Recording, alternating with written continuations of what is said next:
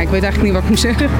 Het eh, doet pijn als je je zaak zo ziet. Bedrijven zuchten al meer dan een jaar onder de coronacrisis. Uh, maar we kunnen het voor nu overlevenden nog wel, gelukkig. Klopt even op de bank. De staat is met miljarden te hulp geschoten. Hiervoor trekken we 1 miljard euro uit. 1,1 miljard euro. 13 miljard euro. 10 miljard euro. En terwijl sommige bedrijven in Nederland de hand ophouden, maken hun moederbedrijven winst. En die winst keren ze ook uit aan aandeelhouders. Hoe kan dat? En mag dat? Ik ben Marco en ik leg het je uit. Lang verhaal kort. Een podcast van NOS op 3 en 3FM. Kijk, we hebben 9-11 al overleefd, waarmee de Amerikanen niet meer naar Europa kwamen. Hoe moet dit verder? Hoe lang hou je dat vol? Toen hebben we wel gezegd van ja, de spaarcentjes nu maar. Het SARS-virus, we hebben de Mexicaanse griep gehad. Nou, de mensen die nog in de proeftijd zaten, hebben we al op voorhand ontslaan. Ja, dit volledig stilzetten van een bedrijf, dat is in onze tak van sport is dat funest. Kijk, als in één keer een flink deel van je omzet wegvalt en je krijgt niks binnen, maar je kosten lopen door, ja, dan tikt dat hard aan. Hoe staat u er financieel voor? Ja, nee, het, is, het, is niet heel, uh, het is niet heel florissant.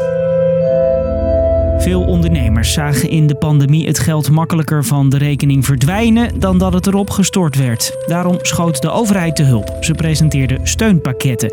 De regering betaalde bijvoorbeeld een groot deel van salarissen van personeel. Dit is een uitzonderlijke, forse maatregel. Maar die is in deze uitzonderlijke tijden hard nodig. Elk bedrijf dat meer dan 20% minder omzet draait, kon die steun aanvragen. Door dat salaris uit te blijven betalen, hoopte de overheid dat jij en ik onze baan zouden houden. We roepen als kabinet de bedrijven op hiermee verantwoord om te gaan en de regelingen alleen aan te spreken als het echt nodig is. Bedrijven kregen het geld niet zomaar. Je moest je werknemers net zoveel loon betalen als normaal. En als je steun kreeg, mocht je vanaf de zomer bijvoorbeeld geen bonussen of winsten uitkeren. Bedrijven waren blij met de steun aan het begin van de crisis. Het is natuurlijk uh, hartstikke fijn dat bedrijven steun krijgen, uh, want dit is uh, niet te voorzien. Ja, ik, ik vind het goed. Hè? Dus met name de personeelslasten. Nou, dat zijn natuurlijk de grootste lasten. Iets meer dan een kwart van de bedrijven vroeg vorig jaar die loonsteun aan. Oké, okay, dan weet je dus wat die loonsteun ongeveer inhoudt zitten dus heel wat haken en ogen aan, omdat de staat een bedrijf helpt met belastinggeld. En dat betalen jij en ik. Leuker kunnen we het niet maken, wel makkelijker. Niet alleen kleine bedrijven, zoals zo'n rijschool, vroegen de steun aan. Ook bedrijven met een buitenlands moederbedrijf dat wereldwijd handelt, wilden hulp bij het betalen van de salarissen.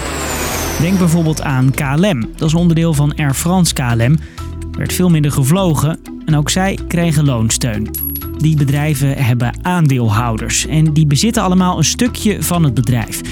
Maakt het bedrijf winst, dan delen de aandeelhouders daarin mee. Dividend noem je dat. Oké, loonsteun en dividend, dat snap je nu dus. En die twee komen samen in het verhaal van vandaag. In ieder geval drie bedrijven kregen hier in Nederland tientallen miljoenen euro's steun.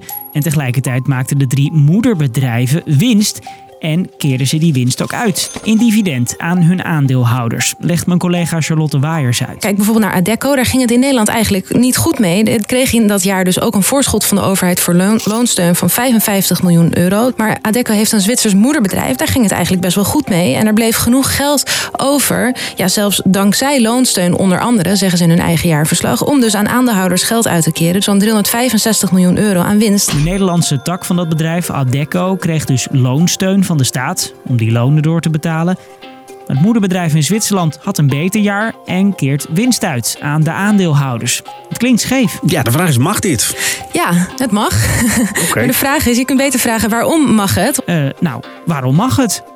Bedrijven hebben gelobbyd om een uitzondering te krijgen op die regel. En ook het ministerie had toch bedenkingen, vertelt Charlotte. Ja, we waren bang dat die buitenlandse moederbedrijven anders tegen die Nederlandse dochters hadden gezegd van vraag maar geen loonsteun aan, want anders mogen wij geen dividend uitkeren. En dat er dan toch nog banen verloren zouden zijn gegaan. Maar het ligt wel gevoelig. Zo vonden sommige partijen in de Tweede Kamer het niet oké. Bijvoorbeeld de SP. Wij vinden dat als bedrijven die overheidssteun krijgen, dat ze geen bonussen mogen uitkeren en geen dividend, dus geen winst mogen uitkeren. Minister Koolmees wilde het eerst ook niet, maar ging uiteindelijk na druk van de bedrijven dus overstag. Maar gelukkig is hier niet mee. Nee, ik vind het geen wenselijke situatie. Maar we hebben het doel van deze regeling is om uh, de banen in Nederland te behouden. En uh, ook mensen hun inkomen te laten behouden. Dat is heel goed gelukt. En zo gingen naar deze drie bedrijven meer dan 120 miljoen euro loonsteun. Terwijl hun moederbedrijf honderden miljoenen aan winsten uitkeerde aan aandeelhouders. En volgens een van die bedrijven, Atos, hebben daardoor meer werknemers hun baan nog. Dus, lang verhaal kort. De staat gaf bedrijven in de coronacrisis steun om hun verlies van omzet op te vangen en minder mensen ontslagen zouden worden. Daarvoor moeten Nederlandse ondernemers zich aan allemaal regels houden.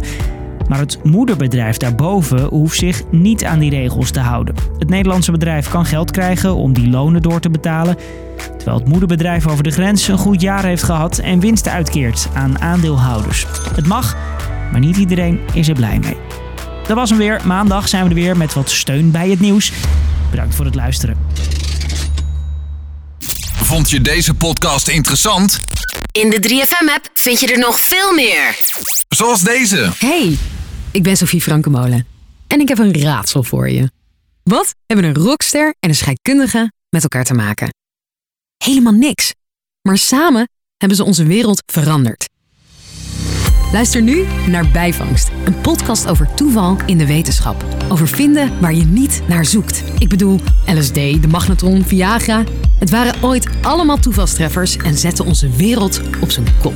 Die onverwachtheid, iets vinden wat je niet van tevoren had kunnen bedenken. Happy accidents, dat kan de hele wereld veranderen. Ga je mee op ontdekkingsreis?